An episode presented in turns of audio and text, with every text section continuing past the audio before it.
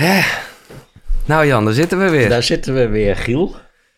Het is... eh, gezondheid. Het is bijna twee jaar geleden. Nou, het is niet twee jaar geleden, maar... Ja, dat je hier was? Ja, dat ik hier was. En ik weet nog, en daar heb ik in je laatste boek veel over gelezen... dat ik toen al... eh, eh, nou, al dat ik toen een beetje klem kwam van... Ja, ik leer nu... hè, van, van, van, van het ego. Maar ik merk juist dat ik... Och, wat ben ik toch goed bezig met spiritualiteit. En, hè? Ja. en ik weet nog dat je me daar toen best wel in gerust stelde... dat dat een soort fase is. Ja, Waar je je, wordt even- bewuster van je ego. Dus je voelt je eigenlijk alleen maar slechter. eh, of althans, meer daar- zelf al. Ja, ja de, het bewustzijn neemt, zeg maar, wordt helderder, maar het liefdevolle deel komt pas later achteraan. ja. Dus je hebt een periode waarin je wel bewuster wordt van al je ego-strategietjes, maar nog niet in staat bent om ze ook liefdevol te omhelzen. Nee. Dus dan heb je die neiging om jezelf juist meer af te gaan wijzen. Dat ego. Wat Ja. dan weer het ego zegt. Ja. Ja. het is... Ja, ik wil je complimenteren, feliciteren. eh, wat een waanzinnig boek, Jan. Echt. Je bent de eerste die het eh, heeft kunnen lezen. Oké, nou, dat vind ik een grote Ja. eer. Nee, maar echt Mhm. fenomenaal. Ja, Het vind is- het leuk? Ja, ik vind het... Nou, leuk. Ik ben eh, heel benieuwd naar je reactie. Ja, een lieve klap voor je kop. Het gaat over liefde, verlangen en verlies als spirituele oefening. En dat laatste, nou, daar hebben wij, was weliswaar online. eh, maar dat ik ook eh, van jou, ja, ik noem het maar toch een soort vaderlijk advies kreeg. Omdat ik ook weer eventjes in de war was. Dat ik dacht, god, nu ben ik verliefd. En dat, dat, ja, dat voelt heel fijn. Maar ja, dit- nu ben ik nu afhankelijk van haar. Ja, ik wil wel heel graag bij haar zijn. Ja, ja, En ja. toen gaf jij ook aan, ja, maar dat, het kan wel heel erg de opening zijn naar spiritualiteit. Ja, het kan je er heel erg uit weghalen. Ja, En het kan je heel erg openen naar beoefening van spiritualiteit. Ja. En dat is net een kwestie van hoe kijk je ernaar. Mhm. En de meeste mensen kijken bij verliefdheid naar degene waar je op verliefd bent. En die wordt dan het object van Ja. jouw geluk. Hè? Dus Ja, die ja. moet je zien vasthouden. Dat, eh, dat is wat een relatie eigenlijk is. Dus die wil ik vasthouden. Die wil ik nooit meer kwijt. Want die geeft mij dit heerlijke, liefdevolle gevoel. ja, En eh, wat mensen dan niet doorhebben is dat dat heerlijke liefdevolle gevoel eigenlijk afkomstig is uit hun eigen innerlijke Precies. staat van zijn. Maar omdat we daar nog niet zelfstandig contact mee kunnen leggen, kunnen we die alleen maar voelen als iemand anders ons aanzet. Ja. Ja. iemand, iemand heeft als het ware dat effect op ons. En het effect is eigenlijk omdat het ego dan even helemaal zijn zin krijgt. De ego heeft een soort programmering. Natuurlijk altijd gericht op geluk en erkenning en liefde van buitenaf zien te krijgen. Maar de jackpot is bij voor de meeste mensen is dat die ene die er altijd voor je is Ja. en van je houdt zo- zonder je ooit nog te Nou, verlaten. omdat en het dat ego dan even rustig is, En hè? het ego ontspant zich. Ja. En als het ego ontspant, wat gebeurt er dan? Dan is er even een opening naar wie je werkelijk bent. Ja. Alleen niemand herkent dat en niemand kan zijn ego ontspannen zonder dat het eerst moet voldoen aan een, zeg maar, aan een hoop of een verwachting. Mm. Hè? Dus dat is eigenlijk het hele punt. De, de, de ontmoeting met de geliefde opent als het ware je hart mm, en kan als hulpmiddel gebruikt worden om dat hart ook te leren openen zonder dat er een geliefde de hele dag ik ook van jou moet Ja, zeggen. ja, ja. Ja, dus dat is het punt. Je hebt nog iemand nodig om het om open te zetten. Maar als het eenmaal open staat, kan je natuurlijk naar de geliefde blijven kijken. Maar je kan ook de blik omkeren en zeggen: waar komt dit vandaan? Dit, dit fantastische gevoel, dit, dit onvoorwaardelijke en dit van je zou alles wel willen geven aan die persoon en zo. Dat is een hele pure soort van, Ja. je zou bijna zeggen, een soort Boeddha-kwaliteit Ja, die zich ja, eventjes opent.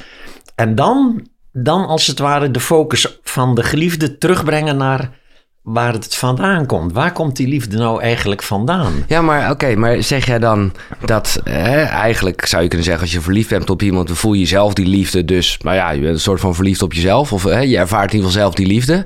Maar is het dan liefde van jezelf of is het gewoon liefde, De liefde? De universele liefde, Ja. die zowel de essentie is van jouw verschijningsvorm als mijn verschijningsvorm. Ja. Als van alle andere mensen en levende wezens. Zeg maar die, dat zijn allemaal verschijningsvormen van dezelfde, wat ze in Advaita bewustzijn noemen. Ja. En wat in, in Dzogchen gewaarzijn wordt genoemd. En wat in Soefi vaak liefde of God genoemd wordt. En het is allemaal hetzelfde. Ja. En een klein beetje of evenveel, of, of, of eh, het is allemaal hetzelfde. Ja. Liefde is Ja. liefde, ja. Ja, liefde is liefde. Maar eh, omdat we zo eh, ontzettend zeg maar, ons hebben geïdentificeerd met ons eigen lichaampje en ons eigen levensverhaal. En daarin dus een ego hebben ontwikkeld. Wat gelooft dat het allemaal buiten jezelf ligt. De liefde, het geluk, het geld, alles moet van buiten afkomen.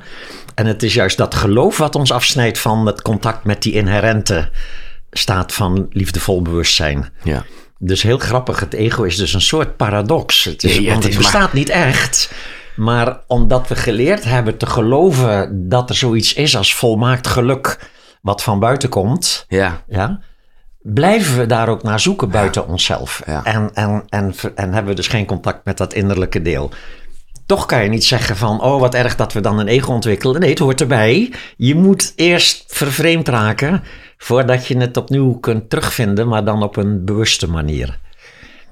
Dus er gaat eigenlijk helemaal niks verkeerd over. Nee, dat gaat nooit Er nee, gaat niks nee, nee, verkeerd. nee, nee. Maar ondertussen voelt het regelmatig alsof er iets verkeerd Nou ja, gaat. of voelt het heel fijn. eh, Ja. want, want nou ja, dat vind ik wel mooi dat je dat zegt en beschrijft. Dat, eh, nou ja, de, de, de liefde voor een ander noem ik het dan toch maar in eerste instantie even. Dat, dat verliefdheidgevoel is wel degelijk een poort. Ja, naar het is, dat het gevoel. is een opening. Het is een opening. Het is een spirituele opening, maar het vergt nogal wat, zowel studie als beoefening, voordat je het ook werkelijk zo kunt benutten. Ja, En, als je, en, en zonder die studie en beoefening wordt het automatisch het hele verhaal weer geannexeerd door het ego. claim. eh, Ja, en dan zegt het ego, oh, dit Ja. is mijn innerlijke liefde. Maar ondertussen blijf je even goed gehecht aan. En dat merk je ook gauw genoeg. Want als de ander dan eventjes iets doet wat jij niet prettig vindt... dan is er ook onmiddellijk pijn en Ja, er is een verwijt en dat soort dingen. Dus dan, eh, dan zie je dat we... dan blijven we steken in het verhaal. Eh, Het verhaal wordt dan wel beschouwd als inspirerend... maar het verhaal wordt niet beschouwd als een vingerwijzing naar onderzoek het, Nee. zodat je het ook werkelijk gaat realiseren. Mag ik de onbeleefde vraag stellen in welke fase je zit? Want je schrijft hierover dat, eh, nou ja, eigenlijk vlak bij het te persen gaan van dit boek... sloeg ze weer genadeloos toe, de godin Oh, ja. der liefde. En ze gooide mijn rustige leven overhoop met een knetterende verliefdheid. Ja, dat is eh, nog maar een paar maanden geleden of zo. Dan, ja, ik word gewoon heel makkelijk verliefd. En, Hmm. en heel vaak is het gewoon eenzijdig, omdat ik er ook niks mee doe. Nee, zo, Vaak ja. zijn het cursisten eh, Ja. en dan Nee, laat de- ik het gewoon. Ja, En dan en een paar dagen later is het ook weer weg. ja. Eh, maar soms ontstaat er dan een soort wisselwerking. En dan, oeh, weet je wel, dan heb je, dus weer, dan heb je het weer te pakken. ja. Wat En, toch ook eh, top is. En dat is heel erg leuk en tegelijkertijd heel erg eh, ook weer obsederend. Hè? Dus je ja. gaat weer, je ziet dan weer je eigen geest helemaal Ja. verdwijnen in fantasieën van altijd samen en nooit meer ongelukkig zijn en dat soort dingen. Alleen ik herken het natuurlijk nu veel beter. Ja. Dus ik, ik, eh, ik blijf er nu de humor van inzien. Ja. En het is ook niet het zo dat ik nu met haar een relatie begin of zo. Nee, oké. Wij, hebben dit, wij doen dit nu, allebei hebben we dat spirituele besef van wat heerlijk, dat we kennelijk bij elkaar op die knop drukken. Laten we niet beginnen aan een relatie, maar laten we gewoon af en toe bij elkaar op die knop blijven Ja, drukken. Ja, ja, ja, ja. En ook op die knop van eh, dat het eventjes weer een soort van, van pijn doet of even een gemisgevoel of zo. Ook die horen er dan helemaal bij. Ja. En ik wil zeggen, want, dat- want ontneem je dan niet bijna iets? Want ja, waar we het net over hebben... Het is, het is de spiegel, het is, het, is een, het is een algemene liefde waar naar het verwijst. Dat snap ik helemaal. Maar ja, als dat de poort is, go for it. Jawel, ja, ik bedoel, ik hou niks tegen en ik zoek niks nee, op. oké. nee, dat nee, is het punt.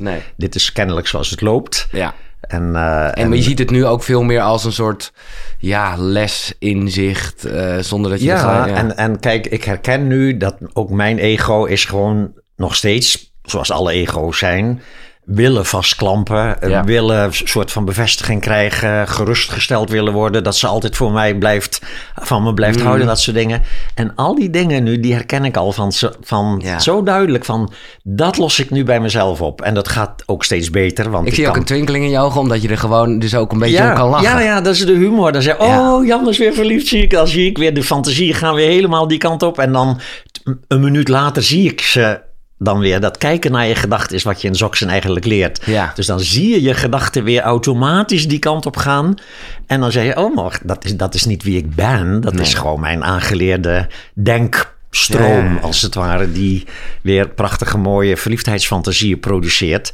En, en ik kap ze niet af, ze mogen er zijn, maar ik geloof ze ook niet meer zo echt. Dat is het, ja, ja. En dan mag dus gebeuren wat gebeurt. En als ze, als ze ja zegt, ben ik blij. En als ze nee zegt, dan ben ik eventjes soort van... En dan daarna denk ik, oké, dit is kennelijk hoe het gaat. Ja, dus er is een soort rust ontstaan in... ik hoef niks na te jagen en ik hoef niks tegen te houden. Nee. Nee, we komen straks nog even terug over die paradoxen. Want ik was er, ik bedoel, eh, eh, de gedurende je boek was ik bijna ook alweer gestopt met de podcast, moet ik eerlijk zeggen. Omdat ik gewoon dacht, wat heeft het allemaal voor zin? Ja, op een mooie manier hoor. Ehm, maar, ehm, eh, ja, ik heb zoveel vragen. Ja. Nou, om te beginnen.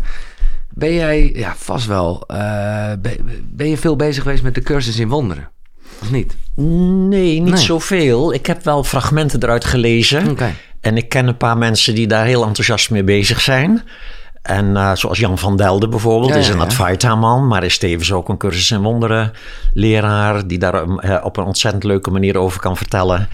Een vriendin van mij, Neda Boyne, is zangeres en doet heel veel met en haar zingen en cursus in wonderen.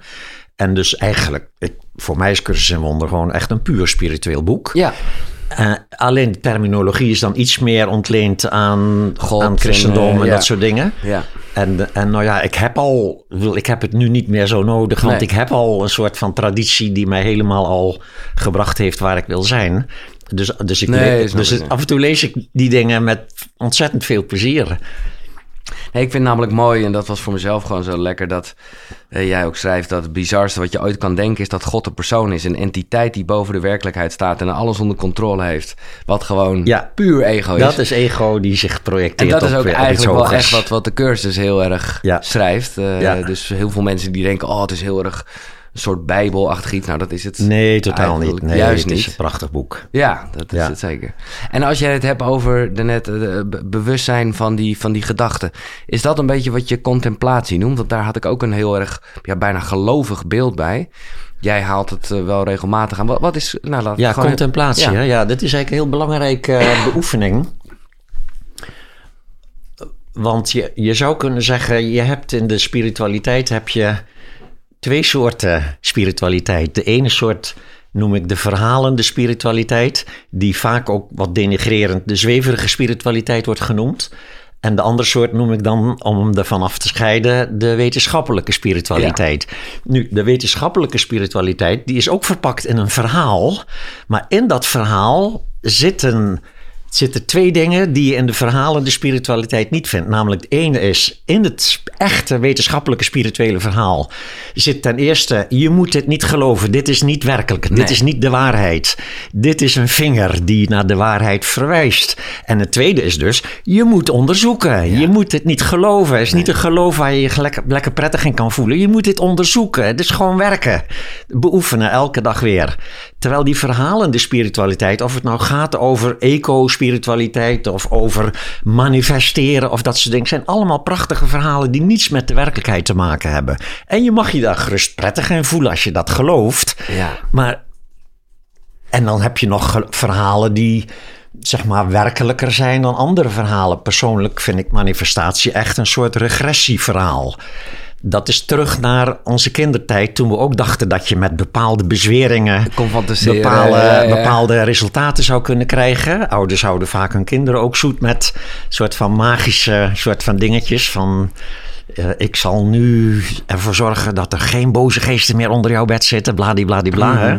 Dus eh, heel grappig dat je ziet dat soms spiritualiteit ook teruggrijpt op pre-ego stadia. Die dus eigenlijk lijken op spirituele stadia, maar die juist ontstaan omdat het, omdat het kind nog geen ego heeft ontwikkeld. Ja, maar goed. Maar nu dwalen we een beetje af, nou, denk ja. ik. Ik, eh, nou Het ja, is, het, het, dus het gaat om die verhalende spiritualiteit. Ook het christendom, zou je kunnen zeggen, is op dit moment niet veel meer dan een verhalende Ja. spiritualiteit. Prachtig verhaal over God en Jezus en in de hemel komen als je braaf bent. En als je daar troost in vindt ook, dan is daar niks op tegen. Maar je kan het op geen enkele manier checken. Het verhaal zelf zegt niet, je moet het niet geloven. Nee. Dat zou mooi zijn als de paus zou zeggen, je moet het niet geloven. Je moet het onderzoeken of het wel Ja, klopt. ja, ja. Ja, Maar wat jij- ja, ja, wat, wat- grappig dat de Dalai Lama dat dus wel zegt. Dalai Lama is dus een, spirituele open, leraar, is, niet. Een, is niet een paus. Geen En jij zegt, de, de, de, want het dus klinkt- nu over wat is contemplatie? Ja, ja. Is dus eigenlijk, oké, je hebt een verhaal. In, in mijn geval was dat het verhaal uit Dzogchen, Tibetaans boeddhisme. In dat verhaal zit, je moet dit niet geloven, je moet dit onderzoeken. En de manier waarop is contemplatie. En hoe, in zijn meest compacte vorm is, is contemplatie. Je leest een hele korte tekst die op een hele compacte manier, als het ware, iets zegt over de werkelijkheid. En dan, wat je dan doet, is als het ware, wat, wat, wat er gezegd wordt in dat stukje tekst, is de vinger. Mhm. En je leest dus eerst de vinger. Ja, bijvoorbeeld, kijk of je de waarnemer van je gedachten, of je die kunt vinden. Dat is zo'n mooi stukje tekst. Kijk of je de waarnemer van je gedachten kunt vinden. En dan moet je dus daarna die tekst loslaten. Moet je gaan zitten. En dan zit je dus gewoon echt te contempleren op. Er komen gedachten op. En Ja, jij ja, probeert de waarnemer van jouw gedachten te Dan vinden. is het echt voelen. Dat is de echte contemplatie. Dan, dan ben je dus niet meer aan het bestuderen. Dan ben je ook niet meer aan het geloven. Dan ben je rechtstreeks aan het kijken. Waar zit de waarnemer van mijn gedachten? Je kan niet ontkennen dat er een waarnemer van je gedachten is. Want hoe zou je anders kunnen weten wat je denkt? Ja? En je moet hem proberen te vinden. Dat is de contemplatie. En als je dan vervolgens er niet in slaagt om de waarnemer van je gedachten te vinden, dan heb je die heldere staat van openheid en liefde gevonden. Want dat is niet een ding. Nee. De, ons, de, dat wat alles bezielt is zelf niet een verschijnsel. Dat wat alle verschijnselen ervaart is zelf niet een verschijnsel. En dat is ook waarom, waarom het best een tijd duurt voordat je dat realiseert. Want in het begin is het ego op zoek naar... ik wil mijn inherente liefde vinden. Waar zit die? En het moet, en het, moet het gevoeld worden.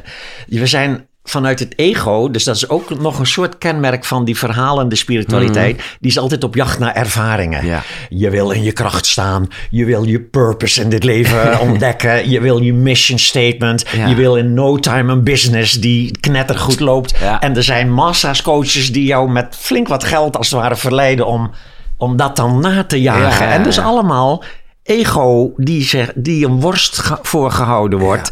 En streven, streven, streven. En ik zeg niet dat niet sommige mensen in zo'n traject ook inderdaad misschien wat meer zichzelf ontwikkelen op ego-niveau. Maar dat is altijd het ego-niveau. Ja. Ja, het ego kan zichzelf ontwikkelen, is vaak ook nuttig. Ik zal niet zeggen dat het verkeerd is als het ego zichzelf ontwikkelt.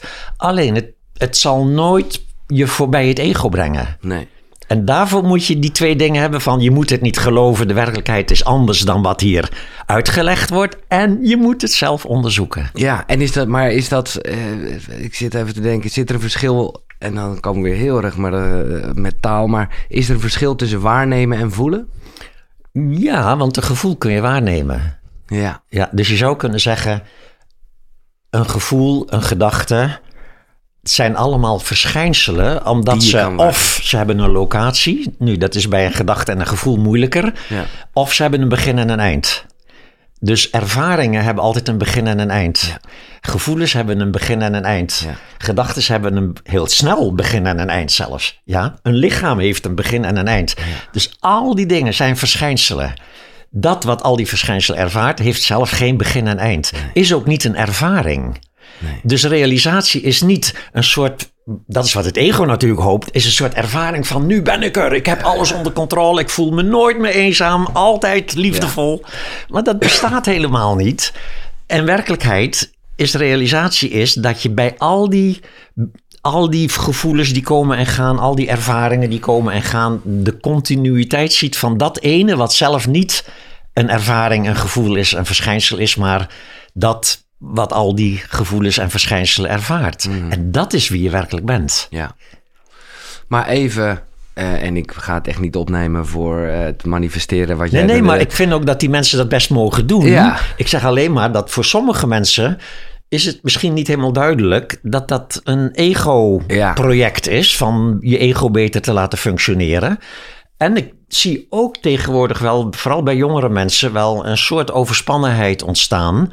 Van die rat race is steeds erger geworden. En Ja. je krijgt steeds meer krijgen ze van die bombardementen op zich af van, van als je wil, kan je alles eh, bereiken. ja, ja, ja. Dat, hè, dus die illusie van dat je je leven helemaal onder controle zou kunnen krijgen. En dus de baas zou worden over je eigen succes en dat soort dingen. Dat, zijn, dat is ego's wishful thinking.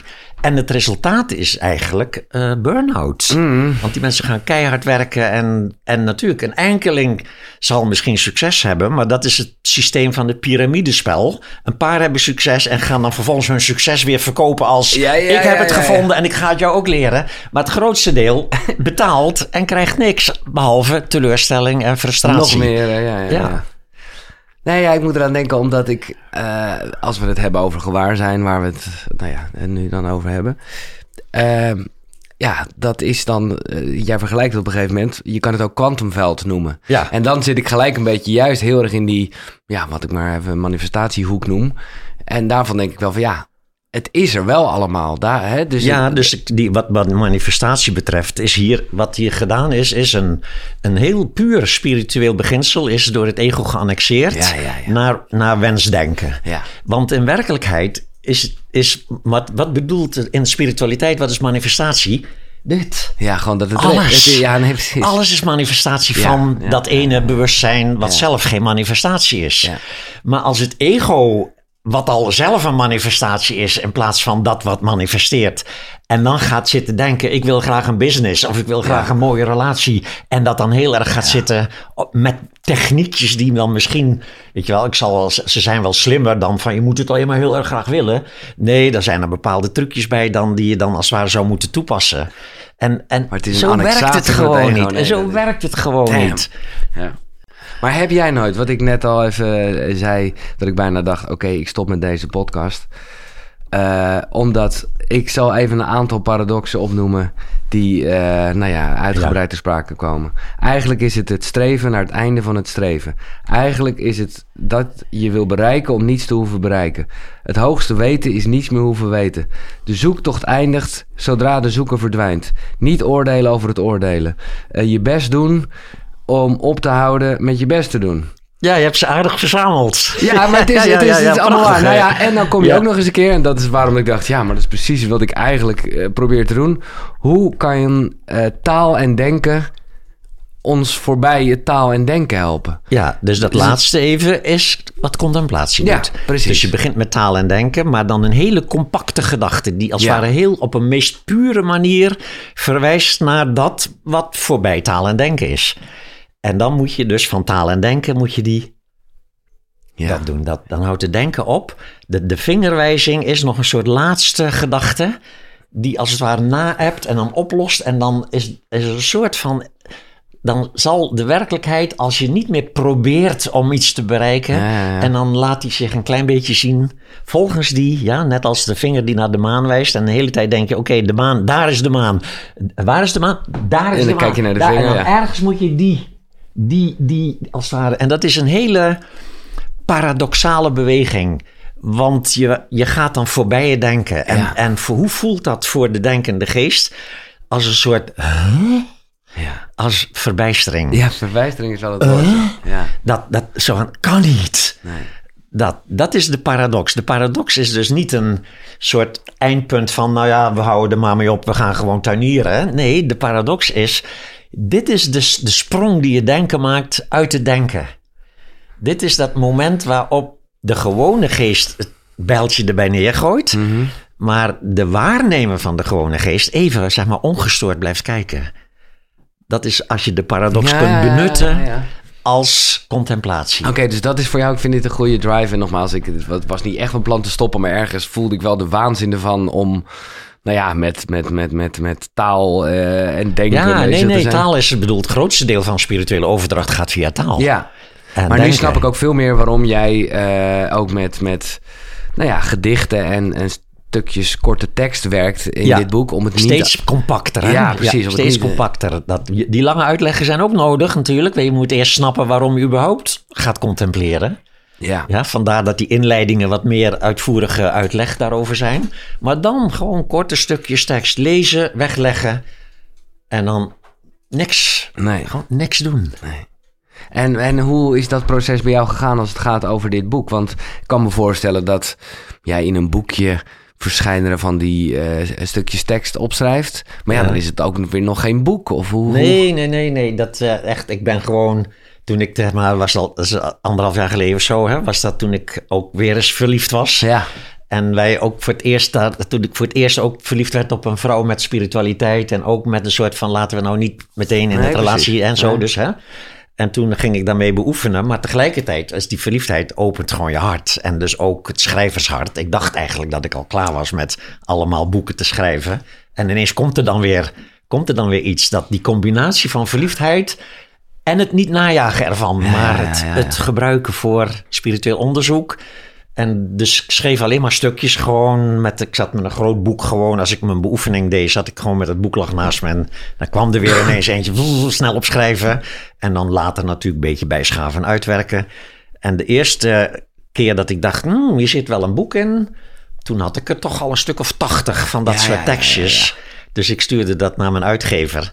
En die zegt, dat is een hele lieve man, dus die was heel wijs, zei die van, "Mm, ja, misschien zit er wel een boek in, maar... En toen kwam die met zijn aanwijzingen van, dit is gewoon een, een, een hele bak vol met dingen. Ja. Daar moet, eh, daar moet structuur in komen, ja, hè? daar moet een soort kader, er moet een context geplaatst worden. Dus hij heeft mij gewoon gestimuleerd om zeg maar, de opzet die het nou heeft gekregen uiteindelijk. Met eerst een, nog een wat duidelijke uitleg van wat is dat nou eigenlijk, hè, contempleren. En ook wat voor soorten meditatie heb je eigenlijk. Want het meeste wat in ons land onder meditatie verstaan wordt... is eigenlijk een soort ego's Ja, manier om de- zich wat kalmer en prettiger te voelen. mindfulness-achtige, ja. ja. Ja, dus eh, ook daar kan je wat meer over leren. En dan eh, natuurlijk heb ik eh, ook die hele bak met gedichtjes. En die gingen niet, op een gegeven moment gingen ze niet alleen maar over de liefde, maar ook over mijn proces van aftakeling, waar ik natuurlijk ook Ja. zo mijn beoefeningen mee heb. En over, over taal bijvoorbeeld. Ik ben Ja. natuurlijk een schrijver, dus ik denk veel na over taal ook. En hoe werkt dat dan? Een En- heel mooi sonnet eh, ja, staat erin. het, het sonnet, het Shakespeareaans sonnet zit erin. Ja, Ja. en uh, afijn, dat soort dingen. Dus geleidelijk aan heb ik die dingen in een soort vakjes geplaatst. Van dit is, gaat over het ego en dit gaat over lijden is niet herkende liefde. Hè? Dus ook zo'n thema wat daarin voorkomt. En dit gaat over taal en denken. Ja. En zo heb nee, maar daar, eh, dat zeg je even snel. Dat is, dat is wel... Lijden is niet herkende liefde. Wat ik een hele mooie vind, want dat komt toch, toch weer uit op alles is liefde. ja, Ook de pijn dus. Ja. Ook de... de ja. ja, je zou kunnen zeggen, lijden is... Zolang het lijden als lijden aanvoelt, is het liefde die niet herkend wordt. Dus de beoefening die je kunt doen met lijden is proberen om het te herkennen als liefde. ja. En, en, en het, het praktische effect daarvan is dat je eerst herkent wat is lijden eigenlijk. Het is niet alleen, is niet voor niks ook in het boeddhisme zo'n beetje de belangrijkste stelling van lijden moet onderzocht worden. Mhm. Je moet niet verdoven, niet ervoor weglopen en, dat soort dingen. Je moet het eindelijk nou eens gaan gebruiken voor waarom gebeurt dit? Ja. Waarom lijd ik? Het zien als een aanwijzing. en dan eh, ja. zie je dat het, de eigenlijke oorzaak van het lijden is dat we dingen, sommige dingen die we ervaren, tegelijkertijd niet willen ervaren. Dus we willen iets niet ervaren terwijl we het ervaren. Ja. Dat is eigenlijk de meest fundamentele definitie van lijden. Dat kan je op alle vormen van lijden toepassen. Je ervaart iets en tegelijkertijd wil je het niet ervaren. Ja. Nu, voor het ego is er een soort logica van natuurlijk wil ik dit lijden niet ervaren, want het is toch gewoon kloten. Dus ego projecteert dat weer als een werkelijke bestaande soort van shit buiten zichzelf, waar hij zich tegen moet beschermen of verdoven of weglopen of wat dan ook. En de spirituele visie zegt nee, het, het wordt lijden door het niet willen voelen ervan. Dus zodra je dat gaat omkeren en zegt: Oké, ik lijd nu bijvoorbeeld een avond dat je je eenzaam voelt, je liefjes ervan door, wat dan ook. En die neiging om het niet te willen voelen, die, die herken je. En dan lukt het je eindelijk om dan niet weg te lopen en zuipen, snuiven of binge-watchen. Maar gewoon te blijven zitten. En die blik als het ware er naartoe te wenden in plaats van ervan weg. En dan moet je dat ook nog een flinke tijd oefenen.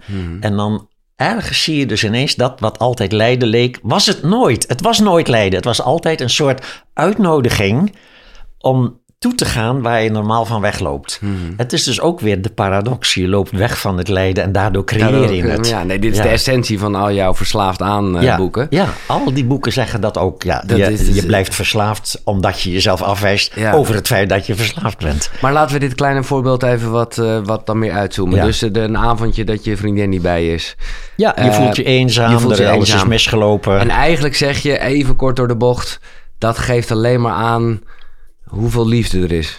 Mm, Ja, maar dat is inderdaad te kort door de Ja, bocht. je, je kan beter eerst zeggen, als je zit te lijden aan eenzaamheid bijvoorbeeld, dat je op dat moment niet het pure gevoel eenzaamheid ervaart, maar dat je het gevoel eenzaamheid ervaart plus het niet willen voelen ervan. Ja. Ja? En, het, en het- als, je het, als je het even zeg maar, in tekst met elkaar vergelijkt. Er zullen weinig mensen op zo'n avond dat, zeg maar, dat ze zich eenzaam voelen. Zullen ze de ervaring hebben. Oh, wat heb ik vanavond toch een sterk gevoel van eenzaamheid. Ja, er is een nee, gevoel van... dan ben je ja, eenzaam. nee, maar ik ben blij dat je het zegt. Want ik, ik ken de hele spirituele benadering die me Ja. ook veel gebracht heeft. Van, je Ja. bent niet boos. Er is een gevoel van eh, boosheid. Ja, precies dat. Wat je nu zegt met maar eenzaamheid. even Ja, goed, dat kan je dan wel denken. Maar ondertussen ben je toch gewoon eenzaam. Ja. Ja. dus ook hier de gedachte, ik ben dit gevoel niet, ik mag dit voelen, is een goede instroom in het pad van beoefening. Zeker, ja. Maar je moet natuurlijk wat dieper gaan dan alleen maar denken eh, van ik mag dit voelen dit- en ik ben dit niet. Hè? Dus naarmate je langer oefent, kan je ook werkelijk leren ontspannen. In wat aanvankelijk dus inderdaad nog als een naar gevoel ervaren wordt. Ja. Zodra je werkelijk kunt ontspannen in de shit, blijkt dat er geen shit was. En dat het de stress, als het ware, het niet willen voelen, dat dat de eigenlijke shit was. Ja. Je zou kunnen zeggen, als je, een, als je dit glas op een rood tafelkleed zet, dan lijkt het of het glas rood geworden is. Ja. ja maar het glas is kleurloos. ja? Gewaarzijn Ja, is zelf vrij van alles wat het ervaart. Maar omdat we dat nog niet hebben gerealiseerd, neemt gewaarzijn dus de kleur aan van het gevoel. Nee, oké, maar eh, waar, waar, waar- er, is, er is toch een reden dat die eenzaamheid komt. Ja, dat is het ego natuurlijk. Het ego, Ja. De eerste reactie van het ego is gewoon: ik wou liever samen zijn. eh, ik Ja. ben niet samen, dus ben ik mislukt. Ja. Ja, dus lijden is ook altijd de, de ervaring op dat moment wordt gekoppeld aan een zelfbeoordeling. Ja, hetzelfde zie je overigens ook met leuke ervaringen. Ego doet daar ook iets mee wat eigenlijk oorzaak van het lijden is. Je hebt iets leuks meegemaakt, iemand geeft je een complimentje of je hebt een hoop geld verdiend, wat dan ook. Dat je daarvan geniet is heel nog gezond en heel normaal. Maar we beschouwen dat meestal ook meteen als een bewijs dat ik waardevol ben en mijn leven onder controle heb. Ik wou dat dit zo ging. En kijk, het is gelukt. Ik heb dat diploma, ik heb die baan, ik heb dat geld, ik heb die relatie. Nu ben ik dus under control. Ik heb het nu in control. Dat. En dat levert natuurlijk op termijn weer nieuwe lijden op, want je hebt helemaal geen controle. Nee. Ja, je kan nog zo hard roepen tegen elkaar, we laten elkaar nooit in de steek, maar de dag daarna kan zonder een tram lopen en of verliefd worden op iemand anders Ja, ja, of wat dan ook. Hè? Dus de, het universum trekt zich van jouw wensen niks aan. Gelukkig en, niet. en hoe meer je daarin kan ontspannen, hoe gelukkiger je leeft. Ja. Oké, maar nog even terug. Want ik- het de, de, je zou eigenlijk kunnen zeggen... Met, de, de- hè, er is een gevoel van eenzaamheid. Dat voelt wel heel erg abstract, alsof je er afstand van neemt. En zoals je terecht zegt, ja, eh, zo voel je wel even dan. Maar je, je- ja, de vraag is, is het je jij? Je ego heeft een gevoel van eenzaamheid en jij bent niet je ego. Ja, alleen zodra je lijdt, Ja. is dat natuurlijk altijd het, het gevolg van dat je op dat moment wel je ego bent. Je- Ja. die, dat, dat gewaarzijn heeft zich al geïdentificeerd met die gedachten en die gevoelens. En verkrampt dus als het ware in een soort ik wil dit niet. Mhm. Dus dat is eigenlijk gewaarzijn zelf is onmetelijk ruim en open en liefdevol. Maar herkent zichzelf niet of niet stabiel genoeg. Nee. Zodra er dus een pijnlijke emotie opkomt, die vanuit het ego aanvankelijk dus altijd eerst ook als echt pijnlijk wordt ervaren, zal dat gewaarzijn onmiddellijk soort van ik wil dit niet. Nee. En dan verkrampt hij zich tot het niveau van dat dan- pijnlijke gevoel. en En dan dan, ben je- ben je, ja, ja. eenzaam of jaloers of gefrustreerd. En, de, en de beoefening is op dat moment eigenlijk heel simpel, maar vooral, zeker niet gemakkelijk. Dat is ontspannen in de shit. Ja. Het, het, kijk, het ego wil van shit graag shit veranderen in ontspanning. Ja. Het ego wil van de stress af. Stress moet veranderen in ontspanning. De beoefenaar zegt: Ik voel nu gestrest. Mag. Je ontspant in de stress. Je doet elke poging om er vanaf te komen, laat je los. Ik mag dit voelen, ik ben dit niet. Zijn de gedachtetjes, de vingertjes die Ja, naar de maan wijzen. ja, ja. Maar ergens moet dan, punt is dat je dan werkelijk, dat je, het, ja, het is een soort durven ook. Dat je durft te ontspannen. Soms lijkt het ook een beetje als iemand die midden in een oceaan aan het zwemmen is. En je voelt al, ik ga dit nooit redden. En dan vrijwillig zich laat zinken, als het ware. En zich laat verzuipen in. Laat, laat jezelf maar verzuipen in die angst voor die pijnlijke emotie. Dat, Ja. En dat vergt veel oefenen. En wat zie jij dan, als we het weer hebben over de richtingaanwijzer, wat is dan vaak de reden of de richtingaanwijzer van dat gevoel? Als we er maar vanuit gaan dat dat een positief effect heeft. Kijk, dat, ik vind de cursus in wonderen, ik zit er gewoon even middenin. En, en, eh, maar wat ik altijd een beetje lastig vind, en ik, ik snap het wel, maar is dat er dan eigenlijk de regel is om waar we het net over hebben. Nou, laat ik het gevoel van eenzaamheid even als voorbeeld gebruiken. eh, dat je dan eigenlijk zegt: bedankt ego voor dit betekenisloze commentaar. En iets in mij, dat zou ook mijn ego kunnen zijn, maar dat denkt dan: ja, betekenisloos. Eh, er zal toch. Er, kijk dat ik er niet naar moet luisteren. Eh, Of je moet zwelgen, dat maar snap ik dus, helemaal. Dus cursus in wonderen gaat natuurlijk hier niet over psychologie, maar over spiritualiteit. Dus dan Mhm. kan je zeggen, wat hier bedoeld wordt, is bedankt voor het betekenisloze commentaar. Betekent eigenlijk, ik hou nu op met een betekenis toe te kennen aan deze emotie. Ja, zo. Wat het ego heeft natuurlijk de neiging om deze emotie te beschouwen als je bent lul, gewoon, je bent gewoon mislukt, ze houdt niet van je, ze is weggegaan en dat is jouw eigen stomme schuld. Dus er wordt betekenis aan toegekend in de zin van identificatie. Ja. Dus als je dan zegt, oké, het betekent eigenlijk helemaal niks, maar ook dat blijft allemaal denken. Als je het niet ook werkelijk Ja, contempleert, als je niet werkelijk ook gaat zitten en probeert om werkelijk te ontspannen in die pijnlijke emotie, dan gebeurt het niet. En, en, de, en de psychologie, die zal zeggen, oké, je voelt je eenzaam, dan heeft in de psychologie hebben die dingen een betekenis die je zou kunnen onderzoeken als je bepaalde gevoelens heel vaak hebt en heel erg door bekneld wordt.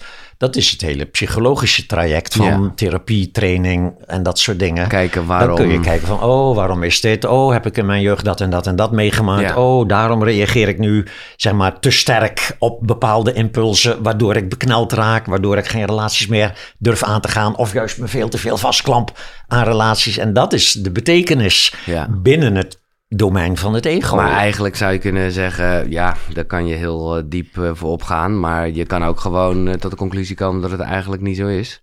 Ja, je Of- kan, je kan tot de conclusie komen dat al het lijden is gewoon in je jeugd aangeleerd. Je hoeft niet precies te weten Nee. wat je vader gezegd heeft of je moeder gedaan heeft. Nee. Waarom je nu dit soort verkrampingen hebt.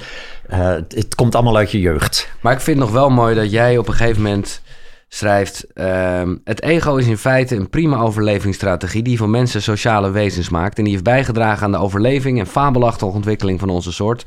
ten opzichte van andere levende wezens die geen ego hebben, bijvoorbeeld dieren. Geen kwaad woord is over het ego... Ehm, en dan, nou ja, dan zijn we waar we net waren. Ons lijden wordt uitsluitend veroorzaakt door onze identificatie met dat aangeleerde zelfbeeld. Ja, Een diep Dat- gevoelde, maar evengoed onjuiste overtuiging dat we werkelijk zijn wie we denken dat we zijn. Ja dat, dat is het ego. Het ego is een verzameling ervaringen. Van jongs af aan ervaren we een hoop dingen en trekken daar conclusies uit over onszelf. Ja. Die allemaal conclusies zijn over diezelfde ervaringen. Ja. En wie je werkelijk bent, is de ervaarder, zou je kunnen zeggen. Is dat bewustzijn Maar, waarin denk je, dat maar, ego... maar zijn we dan niet sociaal als we allemaal die ervaarder zouden zijn? Als we echt in staat zouden zijn om allemaal, nou ja, dusdanig de hele tijd het ego uit te lachen... dat hij op een gegeven moment zijn kop niet eens meer opsteekt? Nee, want dat is helemaal niet wat spiritualiteit beoogt. Dat zou een strijd zijn tegen het ego. Belachelijk maken, het Ja, veroordelen en van dat het is ego. aan- dat, zou, ja, dat is nou juist wat het ego heel vaak doet. Als het op het spirituele pad komt. Ja. gaat het eerst zichzelf nog wat extra afwijzen van... oh, dat is ego. Ja. Ik krijg zo vaak mailtjes van... ben ik nu goed bezig of is dat mijn ego? En in Zoxen is het heel simpel. Alles is ego. Ook als je geld geeft aan de zetverkoper. Ja. Hè, of je bent jaloers Ja. op je buurman of wat dan ook. Dus jaloezie, alle pijnlijke emoties. Maar ook de goedgevigheid, de vriendelijkheid voor je, voor je familie, wat dan ook. Alles is ego, behalve dat wat het ego waarneemt. En zelf niet waarneembaar is. Dus dat is het simpele Maar van is dan spiritualiteit veel meer eh, het lachen? Ja, ik noem het toch maar lachen. Eh, Nou ja, de Van lichtheid, de eigen- humor. ja, Ja, ja, de lichtheid en de humor. Op het moment dat jij in staat bent om die identificatie los te maken. Dus dat betekent dat je, terwijl je ego dus reageert op met, met angst of met hoop of met vrees of met uh, zin, in, zin in pasta en geen Ja. zin in spruitjes, zijn allemaal ego-dingen. En je ziet dat en je kunt dat als het ware ervaren zonder dat je dat bent. Dan ontstaat er heel veel lichtheid, heel Ja. veel humor. Ja. Dus dan kun je tegelijkertijd kun je, je Je denkt, je, je denkt wel van, nou, we gaan pasta eten, want mijn ego die wil dat. Ja, tuurlijk, ja. Ja. ja. waar, en dan hoef je niet eens de hele tijd bewust te denken. Nee. Maar vooral als het om spannende dingen gaat. Dat, dat je, je, je, je vraagt aan je geliefde, wil je met me trouwen? En tegelijkertijd is er die soort van, soort van humorachtergrond die zegt... Oh Jan, wat doe je nou? Dat, die, lol- die lol, die, Ja. die, die lichtheid. En ze mag ook nee zeggen. Eh, Even goede vrienden. Ik vind je nog steeds even lief, ook als je nee zegt. Ja, dat is de humor. Dat is de lichtheid van de de-identificatie. Ik wil eh, met jouw goedkeuring, want eh, ik, ik zou eentje echt helemaal willen delen. Omdat ik gewoon ook zeker voor jonge luisteraars of jongeren, Ja. eh, vind ik die zo mooi bedacht. Het gaat over je lijf is een smartphone. Oh, die, ja. Dat is namelijk een hele duidelijke uitleg met... Mhm. ja. Je lijf is een smartphone. Wat als er geen bewustzijn zou zijn? En je dus niet zou ervaren van wat je ogen zien, je oren horen en je lijf voelt. Alles zonder bewustzijn. Je ogen zouden een camera zijn, je oren microfoons, je stem een luidspreker, je huid een touchscreen, je gedachten bits en bytes. Niets ervan zou ervaren worden. Zonder bewustzijn was je een smartphone. Maar je bent bewustzijn waarin het lijf functioneert als een smartphone en het ego als de software. Ja, je moet hem echt lezen eigenlijk, bedenk ik me nu. Doe ik hem op. Nee, maar is, eh, ik vind hem leuk om te horen van jou. Ja, nee, maar het is, het is... Het brengt heel erg een soort, ja, twee werelden samen. eh. Ja, en dan zie, dan zie je ook dat zeg maar, een, een andere manier om hetzelfde te formuleren, dat die identificatie, dat probleem dat we ons identificeren met het ego. eh, De oude yoga-guru Patanjali, die heeft ooit gezegd dat al het lijden veroorzaakt wordt doordat we ons identificeren met het instrument van ervaring. Dus we hebben een instrument Oh, waarmee we ja. ervaren. Ja. Ogen en de wereld Ja. leveren samen het beeld op. Oren en de wereld leveren samen geluid op. Ja, de, de huid plus de wereld leveren samen de tastzin op en zo. En dat is een instrument van ervaring. En wij denken dat we dat zijn. Ja. Omdat je natuurlijk ook... Ik zie deze kamer vanuit dit plekje. Vanuit ja, dit zijn- ja. ja, en jij ziet hem vanuit daar en zij zien hem vanuit daar. En dan ga je denken dat je dus daadwerkelijk bent. Dat is waarom het ook zo lastig is om die identificatie los te laten. Omdat alles wat je waarneemt gaat via de zintuigen. Ja, En je moet dus gewoon eh, inderdaad nogal wat contempleren om te zien dat jij Niet dat het instrument bent, ja. is niet de waarnemer. nee. Tegelijkertijd is het ook weer niet zo erg moeilijk, want je kan op dit moment zien dat, dat zeg maar, dit lichaam zou de waarnemer van de werkelijkheid zijn, maar het is een onderdeel van de werkelijkheid. Dit lichaam zit ook in deze kamer, net als jouw lichaam. Ja, ogen zijn een verschijnsel. Je kan ze aanraken, je kan ze waarnemen in de spiegel. Ja, het zijn allemaal verschijnselen. Dus onderdeel van de manifestatie, van de werkelijkheid. Dat wat dat allemaal waarneemt, is wie je werkelijk bent. Dus je bent niet je lichaam, je bent de waarnemer van je lichaam. Ja, je bent niet je gedachten, je bent de waarnemer van je gedachten. Maar als ik gewoon, ik ben gewoon benieuwd. Eh, Ik kwam er net achter eh, dat jij 72 jaar bent. Het is nu 25 jaar geleden. eh, in 1998 las jij, las jij het Tibetaanse boek van Leven Ja. en Sterven. Nou, dat was best wel een. een een Dat was voor mij echt een, eh, een, een eye-opener, ja. Als je nu 25 jaar verder bent, ik bedoel, ja, hoe bewust ben jij van datgene wat we net bespreken? Ofwel, ben jij de hele tijd, eh, oh, hier is het lijf van Jan Geurts. Nee, eh, nee, nee, oh, nee, nee, Ja, nee, gelukkig niet ook. Nou ja, weet ik niet. Het is ook Nee, grappig nee. zou het zijn. Ja, nee hoor, ik ben... Kijk, als iedereen die wel eens beoefend heeft, die weet hoe het gaat. Je zit op je stoel, je hebt momenten dat je zeg maar, heel gewaar aanwezig bent. En dan dwaal je weer even af in je Ja. gedachten. En dan ben je weer even aanwezig. Nu, wat in de loop van die 25 jaar geheel geleidelijk aan gebeurt, is dat de periodes dat je afdwaalt worden iets korter. Ja. De periodes dat je aanwezig bent worden iets langer. En, en het schijnt dat een hooggerealiseerde leraar ergens dan aan één stuk door van wakker worden tot slapen, als het ware dat gewaarzijn niet meer Nee. kwijtraakt. En Bij mij is het gewoon nog steeds de hele dag door op en af. Ja. Dus dat is wel het verschil. In het begin is het vaak alleen tijdens je sessies. Dus als je op je kussentje zit echt te mediteren, Ja. dan heb je af en toe op en dan weer afdwalen. En dat heb ik nu de hele dag door. Maar ook, Maar zonder- ook als je in de supermarkt staat, dan... dan heb ik korte momentjes Ja. van... Ja, een tijd lang heb ik ook geoefend met zo'n app. Hè? Dan heb je een belletje op je telefoon. Oh ja, waardoor je de hele Mindbell. En dan om de 10 minuten gaat er ding. Hoor je zo'n heel zacht gongetje. Dan sta je net in de rij bij de kassa. Sta je te ergeren aan iemand die moeilijk doet over een sinaasappel met een plekje. En dan ding. En dan, oh ja, dan, oh ja, oh ik ben me aan het ergeren. Is oké natuurlijk, mag ergeren. Dat is gewoon dat. Hè? Dus dat oefen je... Eigenlijk, ik heb ook jarenlang met touwtje rond mijn vinger gelopen. Dus telkens als je dat touwtje voelt, is er even zo'n moment. En op een gegeven moment gaat dat dus vanzelf. Dat je Ja. de hele dag door korte momenten hebt.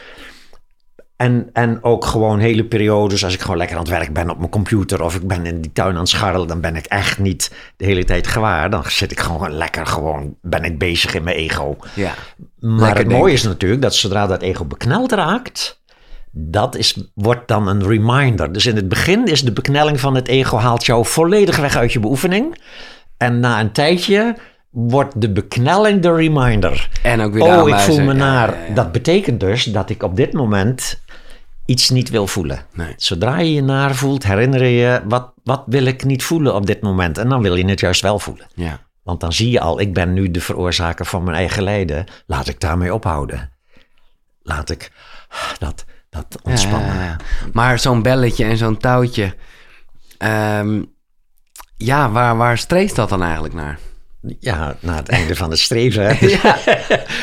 dat, hè, dat is het grappige, dat paradoxale. Hè? Maar zou je het echt willen? Ik weet dat wij het hier vorige keer ook best wel over gehad hebben. Het is een beetje die... En ik, eh, nou ja, waar mensen heel erg mee bezig kunnen zijn. Die schrijft er ook wat over, echt weer over verlichting. Ik dacht, oh ja, Ja, crazy hoe mensen... Of ja, het ego dus eigenlijk daar weer mee bezig kan zijn.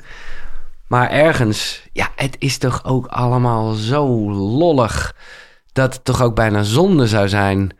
als je de hele tijd in die staat van gewaarzijn bent. Of, of ja, dat lijkt zo. Ik kan me dat nog herinneren toen ik hier pas mee bezig was. Ik zat in een retraite en de hele ochtend ging het dan over gewaarzijn. En toen was de lunchpauze aangebroken en de leraar zei... oké, de opdracht is nu om tijdens de hele lunch, tijdens het eten, gewaar te blijven. En ik dacht, ja, doei, ik wil gewoon lekker eten. Ik ga niet een beetje mijn eten verpesten met gewaar te zitten zijn. Ja, dus dat was in dat stadium dat je echt denkt van gewaarzijn haalt jou uit de pret. Ja. En dat is natuurlijk omdat dat gewaarzijn eigenlijk in eerste instantie nog niet het echte gewaarzijn is, maar het ego wat zijn best doet om gewaar te zijn. En die fase moet je gewoon door, moet je gewoon maar af en toe dan en, en altijd op een vriendelijke manier. Dus niet jezelf dan dwingen om gewaar te blijven of zo. Dat is niet de methode, Nee, nee, want dan nee. is het ook, dat is ego-ambitie. Dus het is een heel subtiele weg van niks hoeven, het is oké, maar ondertussen ook alle neigingen van het ego om zich lekker bezig te houden met, eh, zoals vroeger dat Pac-Man spelletje Ja, ja, ja. van alsmaar dingetjes willen, leuke dingetjes willen denken. Ook dat even niet doen. Dus je beoefening is echt gewoon zitten en 10 Ja. minuten op je timer zetten. En dan 10 minuten geen radio, geen telefoon. Maar ook niet eh, concentreren op je ademhaling of wat Nee, dan ook. nee. Gewoon zitten, niks hoeven. Dat even een momentje voor jezelf. Ik ben gewoon zo bang, maar ik realiseer me dat dat aan zich ook dan wel weer een soort rare ego-ding is. Dat ik denk van ja, dan leer je niks meer. Maar ja, Ja. je hoeft misschien ook helemaal niks meer te leren. Nou, er is een mooie uitspraak in Zoxen die dat verklaart. Want het is, het is, het is helemaal waar wat je zegt. Eh, voor het ego is niks doen. is dus geen optie. Je moet, wil je iets bereiken, dan moet je wat doen. Ja? En dat is dus de reden waarom we alsmaar in dat ego blijven zitten. Dus wat is hier eh, de oplossing? Het glas modderig water. Dat komt Ja, uit het oude Tibetaans ja, ja, ja. boeddhisme. Hè? Een glas modderig water. En jij wil graag dat het helder wordt. Moet je er vanaf blijven. Moet je niet gaan zitten roeren. Moet je niet gaan schudden van ik wil Nee. dat het helder wordt. Moet je het met rust laten. En waarom? Omdat helderheid is al de essentie van het water. De modder is er doorheen ge- getroebeld. Zelfde manier, onze geest is al helderheid en liefde. Maar vertroebeld door die constante stroom van ik-gedachtes. Ja. Over het ego, bang voor dit, vrees voor dat, hoop voor dat. De hele tijd door. Dus wat moet je doen om die heldere, liefdevolle staat van die geest te realiseren? Niks. Eraf blijven. niet streven naar ik moet nu helderder worden. Nee. Ik moet nu liefdevoller worden. Maar Ja, juist zitten. Maar- Wat ja, je, ja. ja, Maar gewoon zitten. Ik voel hem helemaal, maar wat me ineens te binnen schiet... oh, want dit is een bekend eh, en een heel mooi... Nou ja, ook een soort contemplatie wat je aan het denken zet. Maar is het niet zo dat we eigenlijk juist door de modder zien... dat er water is en het helder is? Ja, dat heb je mooi gezegd. Het is door het lijden dat de meeste mensen in aanraking komen met spiritualiteit. Ja. Lijden is meestal onze eerste spirituele leraar. Een tijd lang heb je namelijk gewoon op de ego-manier... Ik wist niet eens wat ego was. Je was gewoon je ego. En het ego heeft zo zijn strategietjes om gelukkig te zijn. En dan na de derde mislukte relatie... of de tweede, derde keer dat je ontslagen wordt... omdat je ruzie hebt met je baas... en dan wordt er iets wakker. Iets van... De eerste keer dacht je nog, wat een klootzak, wat heb ik een pech gehad met deze baan, weet je wel. Maar de derde keer begin je te denken, zou er toch iets mis zijn met mijn manier van kijken of met mijn handelen. Handeling, ja. En dat is vaak leidt dat dan eerst nog naar, naar het psychologische pad. Eventueel therapie Ja, of een workshop volgen om dat? Je ego wat te trainen en zich beter te gedragen of dat soort dingen. En dat is allemaal heel waardevol ook. Dat heet persoonlijkheidsontwikkeling. Echt, daar is niks op tegen. Ik vind het heel waardevol. Ook als je al spiritueel bezig bent, is het heel waardevol om ook je ego te oefenen in en beter functioneren. kan hand in hand, Ja, eh, kan gaan. hand in hand gaan. Ja, dus dat is, eh, dat is de lol van dit hele project.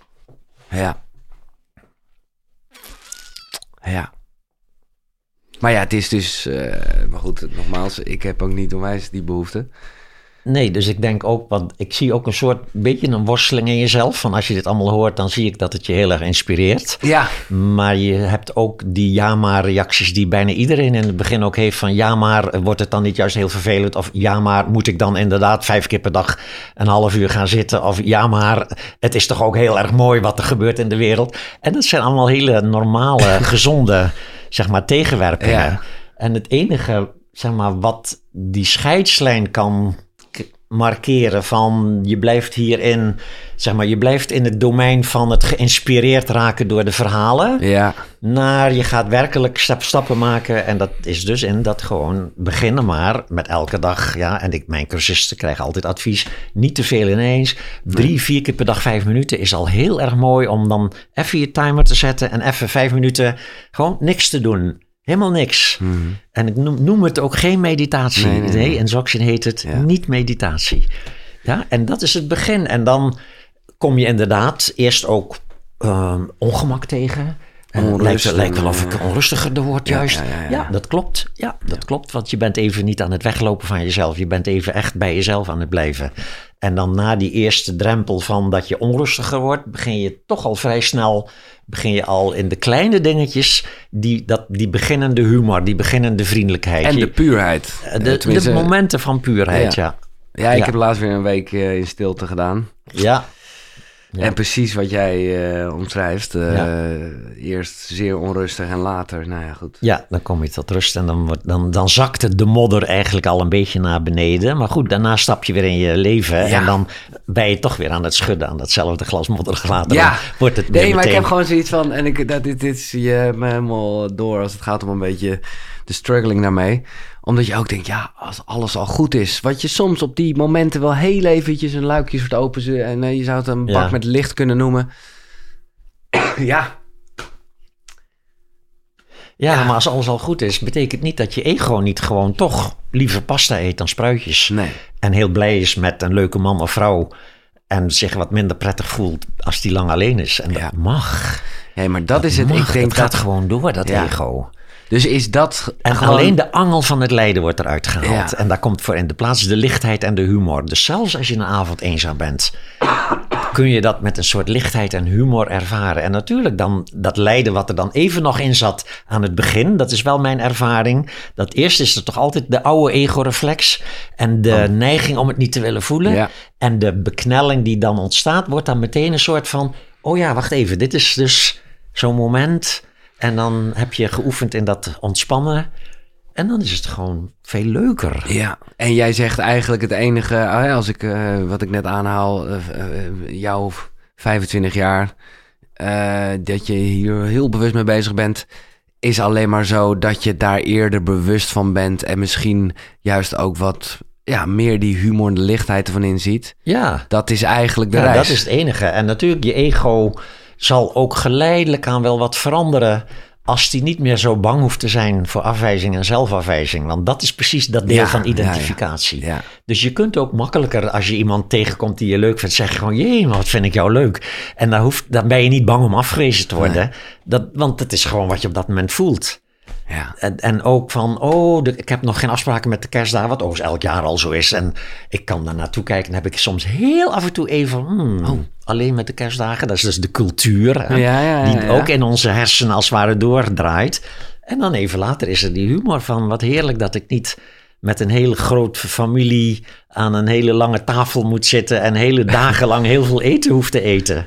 Maar, eh, speel ik even advocaat van de duivel, ben Ja. je er ook niet bijna andersom dan? Stel je voor dat eh de vriendin waar je het over hebt, met wie je dus wel heel erg de, de ja, spiritualiteitsliefde hebt. Ja.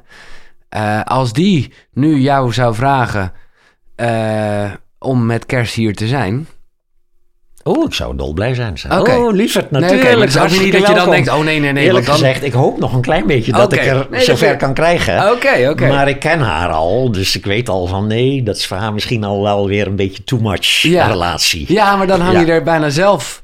Ja. Dan, dan bijna is het een Ja, soort nee, nee, anti-reactie. nee, mijn humor zit hem er juist in van, oh, kijk die, kijk die, weet je wel, die dwaze oude man weer eigenlijk Ja. nog hopen op een liefdevolle kerstdag en zo. Van, is oké, je mag daarop hopen. Ja. En het mag ook gewoon een kerstdag worden dat ik alleen ben.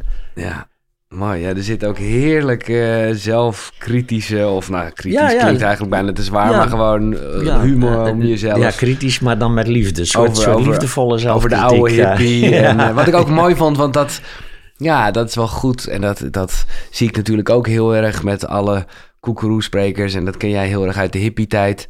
Dat, ja, dat dan vrijheid, dat daar weer regels voor worden Ja, gemaakt. ja, de vrijheid is aan regels gebonden. Ja, ja. dus dat- je moet zus en zo eruit zien en Ja. dan ben je vrij of iets dergelijks. Ja, dat is, Ja, dat is mooi, hè? Dat is fantastisch.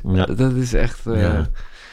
ehm, en ja, is dat een beetje, want dat vond ik ook een grappige term. Ik weet niet meer waar je hem. eh, misschien weet je het zelf nog. Dan heb je het over kosmisch grinniken. Oh ja, ja, ja.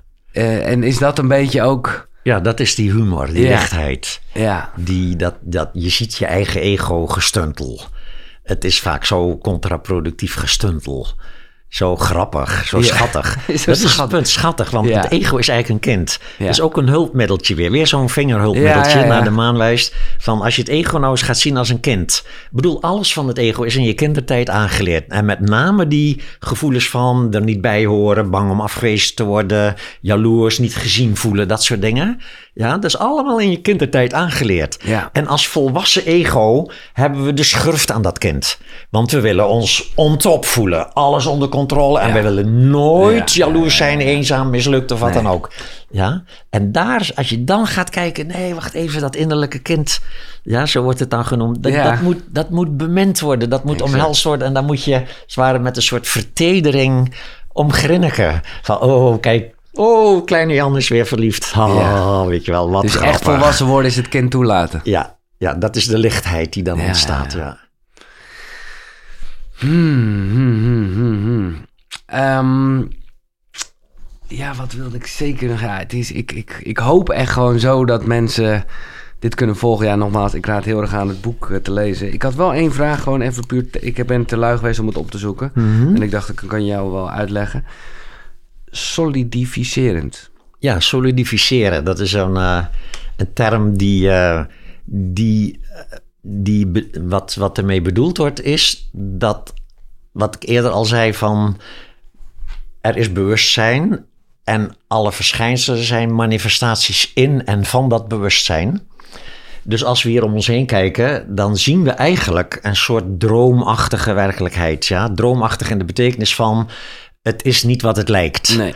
Wat het lijkt is dat die dingen daar allemaal echt staan. Dat er een echt huis staat hier, een echte muur, echte bomen buiten.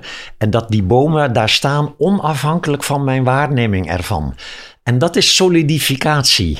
Dat betekent dus dat wij aan de ervaring van een boom een soliditeit toekennen die er niet in werkelijkheid is. De boom is een droomachtig verschijnsel in bewustzijn, maar ik maak daarvan een, een werkelijk bestaand object buiten het bewustzijn. Wij beschouwen de materiële werkelijkheid als buiten het bewustzijn. Dat is projectie, Ja, ja, dat precies. is solidificatie. Ja, ja, dus dat is Dus ook dat is iets wat je niet moet veranderen, maar wat gewoon, ophoudt. Die je ogen, kan ermee ophouden. Die ogen zijn het apparaatje die die boom ziet. Ja, Eh, zo er is een ervaring van Ja. een boom en er is een ervaring van een oog, maar nog het een, nog het ander bestaat objectief en los van elkaar. Het, zijn, het is net zoiets als je s'nachts droomt. Stel je droomt s'nachts dat je door Parijs wandelt. Dan heb je dus een droom van Parijs.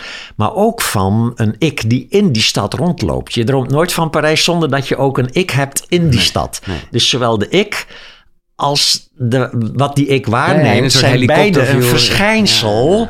In de geest van de dromende ma- of vrouw in bed. Nu, op dezelfde manier projecteren we in onze huidige droom een echte werkelijkheid die bestaat los van mij en een echte ik die bestaat los van die werkelijkheid. Mhm.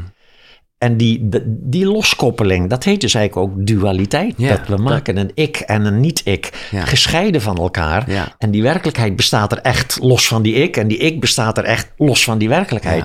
En dat is allemaal solidificatie. Ja. Ja, en een ander woord is reificatie, ook weer zo'n moeilijk woord, maar dat is ook het toekennen van een objectief, enkelvoudig en permanent bestaan aan verschijnselen die niet een objectief permanent bestaan hebben, Nee. maar puur een verschijnsel zijn in bewustzijn. Ja. Maar dit is eh, filosofie. hè? Nee, maar dit is, is, vind eh, ik fantastisch. Maar, dit- maar dat is dan toch ook een realiteit, ondanks dat het niet echt is? Ja, ja, ja, ja, ja, ja. Dus dat is weer de fout die veel neo-advaiters Ja. tegenwoordig maken. Nee, die zeggen, bedankt. ik las, zag laatst een interview en de interview begon heel lief van, kunt u mij nou eens uitleggen om? En de man onderbrak hem meteen, er is geen explanation. Er is no explanation. ja, maar u zit toch, er is geen ik. Weet je wel? Ja, maar ik zie toch iemand zitten. Nou, maar er is geen jij ook niet. Ja, dus dat is het, zeg maar, dat is, dat is gewoon de totale nihilisme is Ja, dat. ja, ja. Alsof je, stel dat je s'nachts hebt gedroomd van een olifant. En, je, en overdag vraagt iemand, hoe was het en, en eh, wat heb je gedroomd vannacht? En jij zegt, ik heb niks gedroomd. Want er was geen olifant. Nee. Het was maar een droom. Maar als je dan zegt, ik heb niks gedroomd, dan ontken je dus Ja. dat er wel degelijk Mooi, ja. een ervaring was van een olifant. En een ik die die olifant ervoer. En een mooi verhaal eromheen. Ja. Dat, Dus zo dat- is het een beetje schakelen tussen eigenlijk twee werelden, of hoe ik dat ook moet zeggen. Ja. De duale wereld en de Ja, non-duale ja, wereld. normaal ben je in de duale wereld ja, als het ware. Daar die doe is je je rol. gewoon, maar ja. zodra dat een klein beetje zeg maar, misdreigt te lopen, heb je ook die ruimte eromheen. Die wordt steeds meer als het ware wie je werkelijk bent. Ja. En af en toe dwaal je wel af, speel Ja. je weer je rol zonder dat je bewust bent dat je een rol speelt. Maar als het dan een beetje spannend wordt, dan weet je ineens, oh, maar het is een rol die ik speel. Het is niet wie ik werkelijk ben. Het Ja. speelt zich af in de, in de droom. Ja, ja, ja. En dat ja, is zeg maar, dat, dat, dat is waar ik meestal in zit, dat heen en weer gaan. Ja, en dat, ja. Ja. Oké. En heb jij het gevoel, want zoals je het nu omschrijft en zoals ik ook mooi vind hoe je gewoon over ego wel bent, van ja, dat is nou eenmaal dat ontstaat eh, je kind zijn, we hebben daar kort over gehad. Eh, soms hoor ik ook wel eens, het, het klinkt heel positief, van oké, we gaan naar een veel verlichterende samenleving. Ja, ergens denk ik soms ook wel, ja, maar dit is gewoon het proces waar ieder mens door moet. Ik weet niet of daar nou heel snel dingen in de toekomst gaan veranderen. Ja, nee, dat denk ik ook. Ik denk dat die, zeg maar, die van we zijn in een transitie naar Ja. 5D en Ja, dat soort dingen, ja. dat zijn ook mooie verhalen. Die op geen enkele fijn. wijze te controleren zijn. Nee. En, eh, en natuurlijk, als je dat fijn vindt, mag je er ook best in geloven. Want het andere verhaal van we gaan naar de kloten en de wereld gaat nu naar een afgrond en dat soort dingen, is ook een verhaal waar je misschien argumenten voor kunt vinden, maar wat, waarvan je niet weet of het ook werkelijk zo is. Nee. En vanuit eh, de spirituele visie is het eh, allemaal verschijnsel. Dus, dus natuurlijk, ik heb zelf het idee, als ik weer een klein beetje inzoom van wat, wat voor tijd zitten we in.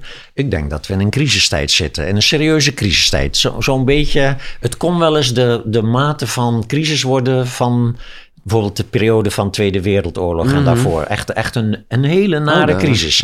Maar crisissen zijn net als in een mensenleven nodig weg, ja. groei van bewustzijn. Ja, ook na de Tweede Wereldoorlog is het bewustzijn van mensen een stuk zeg maar, gegroeid. Toen kregen we ineens de universele rechten van de mens. Niet dat iedereen zich er al aan houdt, maar ze zijn er wel. Ja. En er is een strafhof in Den Haag, ook al zijn er nog schurken die zich eraan weten te onttrekken. Ja, dus die dingen zijn ontstaan na de Tweede Wereldoorlog. Ja. Dus nu hebben we ook weer een soort crisis op alle fronten, zoals milieu en natuur en, en, en woning en overheid is helemaal in een crisis en totaal het spoorbijster en zo. En, en natuurlijk, aan de ene kant hoop ik dat het niet al te ellendig hoeft te worden, maar aan de andere kant heb ik ook zoiets van, het hoort erbij. En het is Net als je je eigen periodes in je leven die pijn doen, achteraf kunt zien als wat je daar heel veel aan gehad hebt. Ja.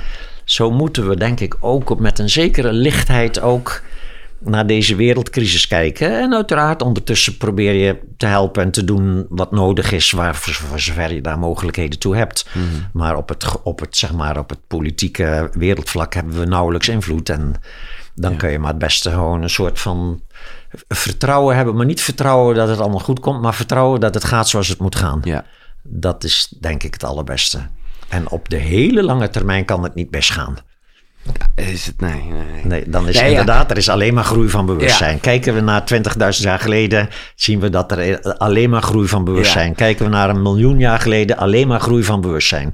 Dat, en dat gaat via, weet je wel, een, een, een meteoor die alles een beetje uitroeit. Ja, ook groei van bewustzijn. Waardoor nieuwe wezens konden ontstaan, weer nieuwe. Hè? En dus groei van bewustzijn gaat via, via crisissen en periodes van relatieve rust. En zo hoort het.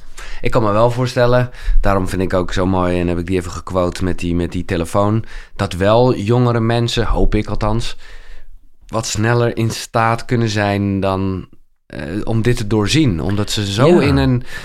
Ja, maar ze hebben het en, en moeilijk tegenwoordig, jongelui. Dus dat is een bron van spiritualiteit. ja, en we hebben internet en Ja, het is allemaal het, toegankelijk. ja. Ik zie in mijn cursussen ook elk jaar weer meer jonge mensen. Ja. Dat is heel vreugdevol. ja, precies. Ja, dat is echt zeggen van oké, maar ook hier moet je zeggen, we hebben nu een periode waarin spiritualiteit toegankelijk is. Maar ook die, dat is een periode. En er zal vast wel weer een periode komen dat de spiritualiteit eventjes zich weer helemaal terugtrekt in het hoekje van een paar, zeg maar, een paar beoefenaars die ergens in de bergen zitten en het, en het zeg maar, de, de lineage, Ja, ja, ja. De, de overdrachtslijn in stand houden. Terwijl de wereld eventjes in een soort donkerheid terechtkomt. Dat zijn gewoon de golfbewegingen. Ja, dus ook hier weer golfbeweging all, all over the place. Laten we het toch nog even over de dood hebben. Ja, altijd een mooie- gezellig. Ja, prima. Altijd leuk. Nou, ben je, ben, je er, ben je er meer mee bezig naarmate je ouder Ja, wordt? ja, ja, zeker. Ja, Oh, ja, oh. ja, ja. Sowieso in Tibetaans boeddhisme hoef je niet eens oud te zijn om ermee bezig te Nee, zijn. Want het is een, echt een item. Ja, Eh, en, en het principe van in het Tibetaans boeddhisme is dus dat die identificatie met ons ego en met dit lichaam, die kun je tijdens je leven met zeg maar de juiste beoefening, kun je tot een zekere hoogte kun je die loslaten, maar je blijft de werkelijkheid toch zien met het instrument van dit lichaam. exact. Ja, en dat is dus waarom ze in het Tibetaans boeddhisme zeggen: het moment van sterven is het moment waarop de eigenlijke verlichting plaatsvindt.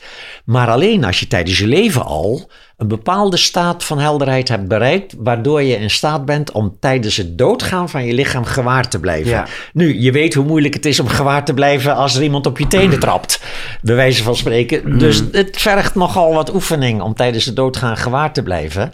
Maar ik ken verhalen die ik, zeg maar, van mensen die er persoonlijk bij waren, dat het inderdaad af en toe gebeurt. Een hoog gerealiseerde beoefenaar die doodgaat terwijl die zeg maar, zich in meditatiehouding laat zetten. In Tibet had je van die soort kist ook, waar mensen dus rechtop konden zitten. En dan niet, Oh. ze konden niet links en rechts, want er was een, en achter links en rechts was hout. En dan een sjaal over hun borstkast. En soms nog een sjaal over hun hoofd ook. En dan bleven ze dus zo heel bewust bleven ze zo zitten. En dan gingen ze dus in deze houding gingen ze dood. Heel bewust Ja, ja, ja. gewaarblijvend van het doodgaan van het lichaam.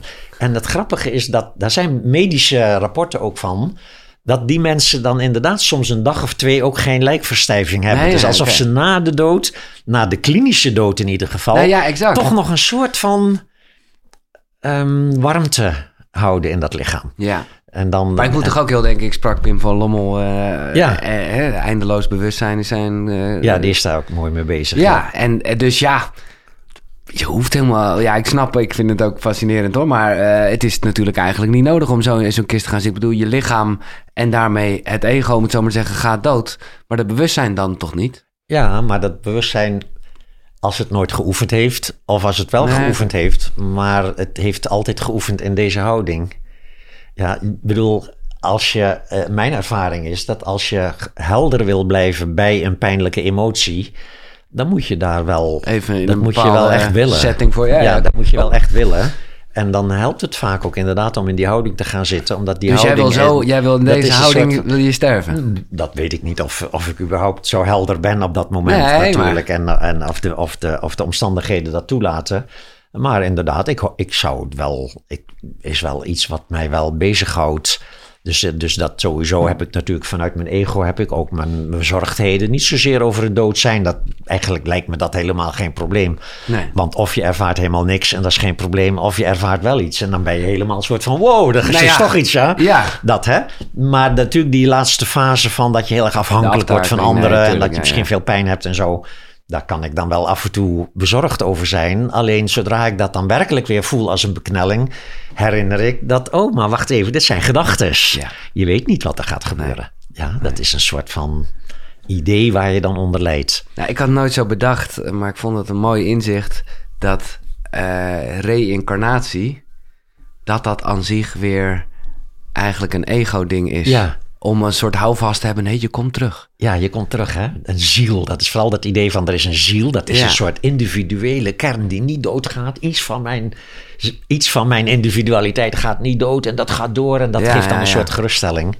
Terwijl juist de werkelijke, zeg maar, reïncarnatie is dat alles van jouw ego, het lichaam, alle gedachten, alle gevoelens, alles lost op in dat bewustzijn waar het een, een manifestatie van Ja. is.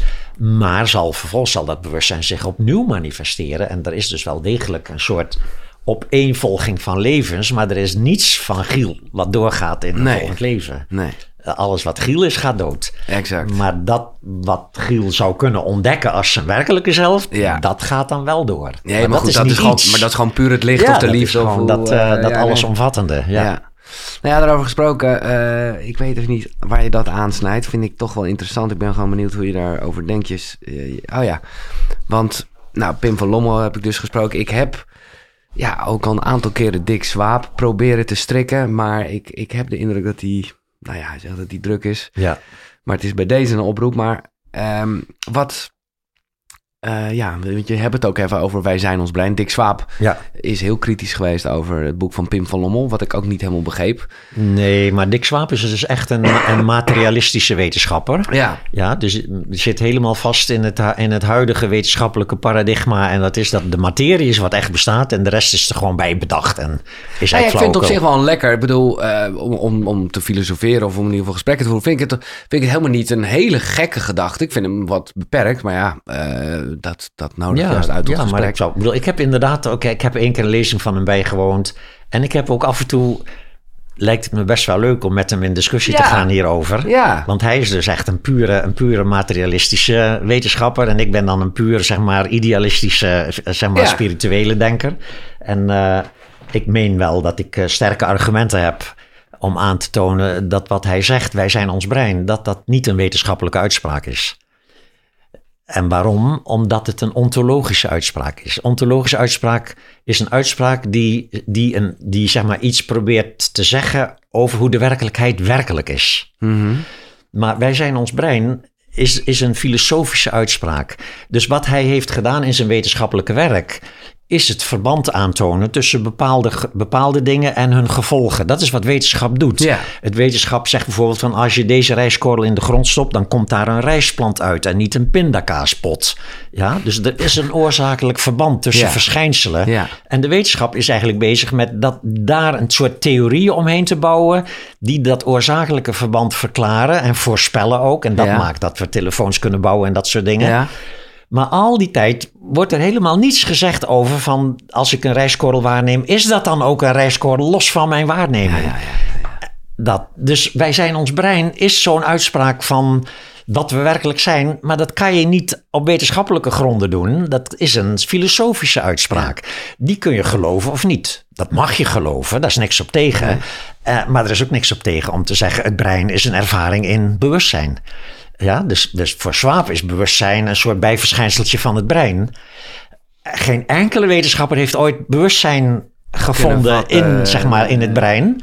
Maar ze denken natuurlijk dat dat misschien nog wel komt. Want dat is hun uitgangspunt. Als je het ervaart, dan moet je het kunnen bewijzen ook.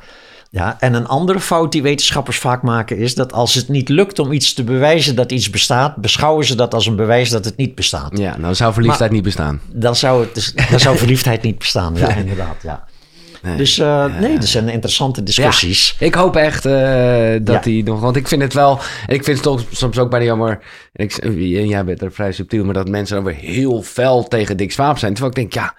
Dat is toch leuk? We zijn toch met z'n allen bezig om, dingen, natuurlijk, om dingen te verklaren. Dus, om, bij, om... dus als jij hem wil uitnodigen, dan bij deze wil ik hem ook uitnodigen. Van zullen we eens babbelen over, ja, zeg maar, over, over de paradigma's materialisme versus spiritualiteit. Ja, ja. En, en, en, en nou ja, dat vind ik wel mooi. Daarom heb ik ook uh, ja, weer zin, of ik had al wel zin, maar de, voel ik gewoon ook wel dat het leuk blijft om uh, bezig te zijn met dit soort dingen. Ja, natuurlijk. En, en, en verder, alles wat Dick Swaap verder vertelt, wat dus wel zijn wetenschappelijk werk is, buitengewoon boeiend. Ja natuurlijk. Fascinerend, prachtig mooi.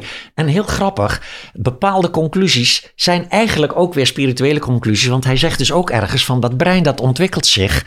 En eigenlijk kun je mensen niet eens verantwoordelijk stellen voor het feit dat ze misschien scheef ontwikkelen. Via allerlei invloeden op die ontwikkeling van dat brein. En we moeten dus eigenlijk onze, zeker onze jonge mensen niet veroordelen als ze een misdaad hebben gepleegd. Want dat is een, iets waar ze, niet, waar ze niks aan kunnen doen. Dat is toch puur een soort spirituele nee, compassie. De grap is, als jij nu omschrijft, is, is hij eigenlijk die zegt... je kan er niks aan doen, het is het apparaat. Ja. En eigenlijk, uh, nou ja, uh, en dat is maar net hoe je, hoe je de taal hiervoor gebruikt... kan je zeggen, ja, het is, maar we zijn niet het apparaat. Ja, maar dan kan je dus inderdaad zeggen, je ziet dat zeg maar, de pure wetenschap en de pure spiritualiteit ergens elkaar ontmoeten. Exact. Maar meestal op het gebied van de kwantumfysica. Dan zie je van, ja. nee, wacht even. Dan zie je dat bewustzijn en materie op een of andere manier niet meer van elkaar gescheiden kunnen worden. En, en wetenschappers begrijpen absoluut niet hoe dat dan nee. hoe dat kan. En, en spirituele mensen, voor, de, voor spirituele mensen is dat gewoon gesneden koek. Nee, ja, en die snappen het ook niet, maar die, die, die hebben ook geen behoefte die snappen om het... niet de wetenschappelijke nee. kant ervan, maar die zeggen oh, wat leuk dat, is dat, gewoon het, zo. dat ook op dat vlak, als het ware, die, die, die onscheidbaarheid van materie en, en bewustzijn, als het ware, al opdoemt, als het ja. ware, in de, in de wetenschap. Ja. Is fascinerend mooi. Echt mooi. Uh, dankjewel Jan. Ik wil besluiten, maar ik, ik merk toch dat ik het mooi vind als jij het uh, leest. Met nog eentje, gewoon even een, een gedachte om mensen achter te laten. Deze ja, ik heb al eerder gezegd en ik zeg het nog een keer. Er, er staan er veel meer in. Ga het lezen, mensen. Uh, fantastisch. Maar deze... Ik ja. ben benieuwd. Welke, welke krijg ik van je? Ik hoop dat je het kan lezen. Oh, die. Dat is de contemplatie op het hier en nu, hè? Ja. Ja. Dus dat is eigenlijk uh, weer zo'n vinger die naar de maan wijst. Hè? We ja, hebben ja. allemaal gedachten over het verleden en de toekomst. En dan het nu als een heel klein momentje tussen een enorm verleden en een enorme toekomst. Ga dat nou eens werkelijk onderzoeken. En dat gaat als volgt. Ja. Kijk, naar, kijk dus naar wat je op dit moment ervaart. Kun je een begin vinden van het nu en een einde? En je moet dat werkelijk proberen. En telkens als het niet lukt herken je heel even die eeuwige, open, tijdloze ruimte. Vrij van gedachten, vrij van de tijd, vrij van lijden. En dan natuurlijk even later ga je weer denken erover. En dan is het weer. Dus je kunt ook heel mooi dan zien. Er zijn inderdaad twee werkelijkheden. Zodra je gaat denken, is er dus weer een echt verleden en een echte toekomst. En een heel klein nuutje daartussenin, waarvan je bijna niet kan pakken. Nee. En dat is in zekere zin de beknelling ja. van, zeg maar, van het ego. Want dat klein stukje is ook namelijk oneindig. Ja, ja dus dan ga je zitten en zeggen: Oké, okay, als het nu zo'n kort momentje is, dan moet ik dus het begin en het einde ervan kunnen waarnemen. En dat, als je dat dan werkelijk probeert, dan kom je uit de theorie in die onmetelijke ruime werkelijkheid. En dus dat is, uh, ja, het is een oefening. Ja, een van de vele oefeningen die in dit boek ja, staan. Ja. Nee, en dat is het mooie. Dat je op een gegeven moment gewoon denkt... ja, wat een grap eigenlijk. Ik kan het allemaal wel willen bedenken en snappen... maar dat hele bedenken is juist datgene... Ja. wat bedacht is en dus... Ja, maar toch, je moet eerst een hoop denken voordat je doorkrijgt dat het denken een soort eindpunt heeft. En dat je vanaf dat eindpunt als het ware in de, in de werkelijkheid Ja, stapt. ja, ja. dus Dus niks, je- niks negatiefs over denken ook. Nee, oké. Prachtig mooi is het. Dus je moet behoorlijk wat streven om niet... Einde- uiteindelijk, ja, eerst in ieder geval denken, een hoop denken, een hoop piekeren en een hoop van, ja, voordat het ego überhaupt zou besluiten om niks meer te hoeven en niks meer te willen, moet het wel een hoop snappen eerst. Ja, Want anders doe je het gewoon niet. Dan blijf je gewoon streven naar het bereiken van die worst die voor je neus hangt. ja. Een lieve klap voor je kop. Dat ga ik niet doen. Ik ga je een hand geven, Jan. Ja, Giel, was weer ontzettend, leuk met jou te babbelen. Eh, voor dit gesprek. Ehm, eh, ja, als we dit opnemen is het boek uit. Eh, en dan kan je dat zeker nou ja, tot je nemen. Ik zal een link in de beschrijving zetten. En nou ja, ook naar de andere gesprekken. Ik hoop echt wel dat je de andere gesprekken met Jan ook beluisterd hebt. En ik hoop dat het te volgen was. Geef het even eerlijk aan, want ik realiseer me dat ik wel gelijk in het begin als een soort Ja, we duiken er wel lekker in, hè? wolf ging ik. eh, dus We, nou ja, ja, we duiken er wel helemaal in. Ja. ja. Nou ja, sorry daarvoor of niet. Laat dat vooral eventjes weten in eh, de reactie. Eh, heel veel liefde. En dit was Koekeroe. Tot de volgende. Zonnegroet. Hoi.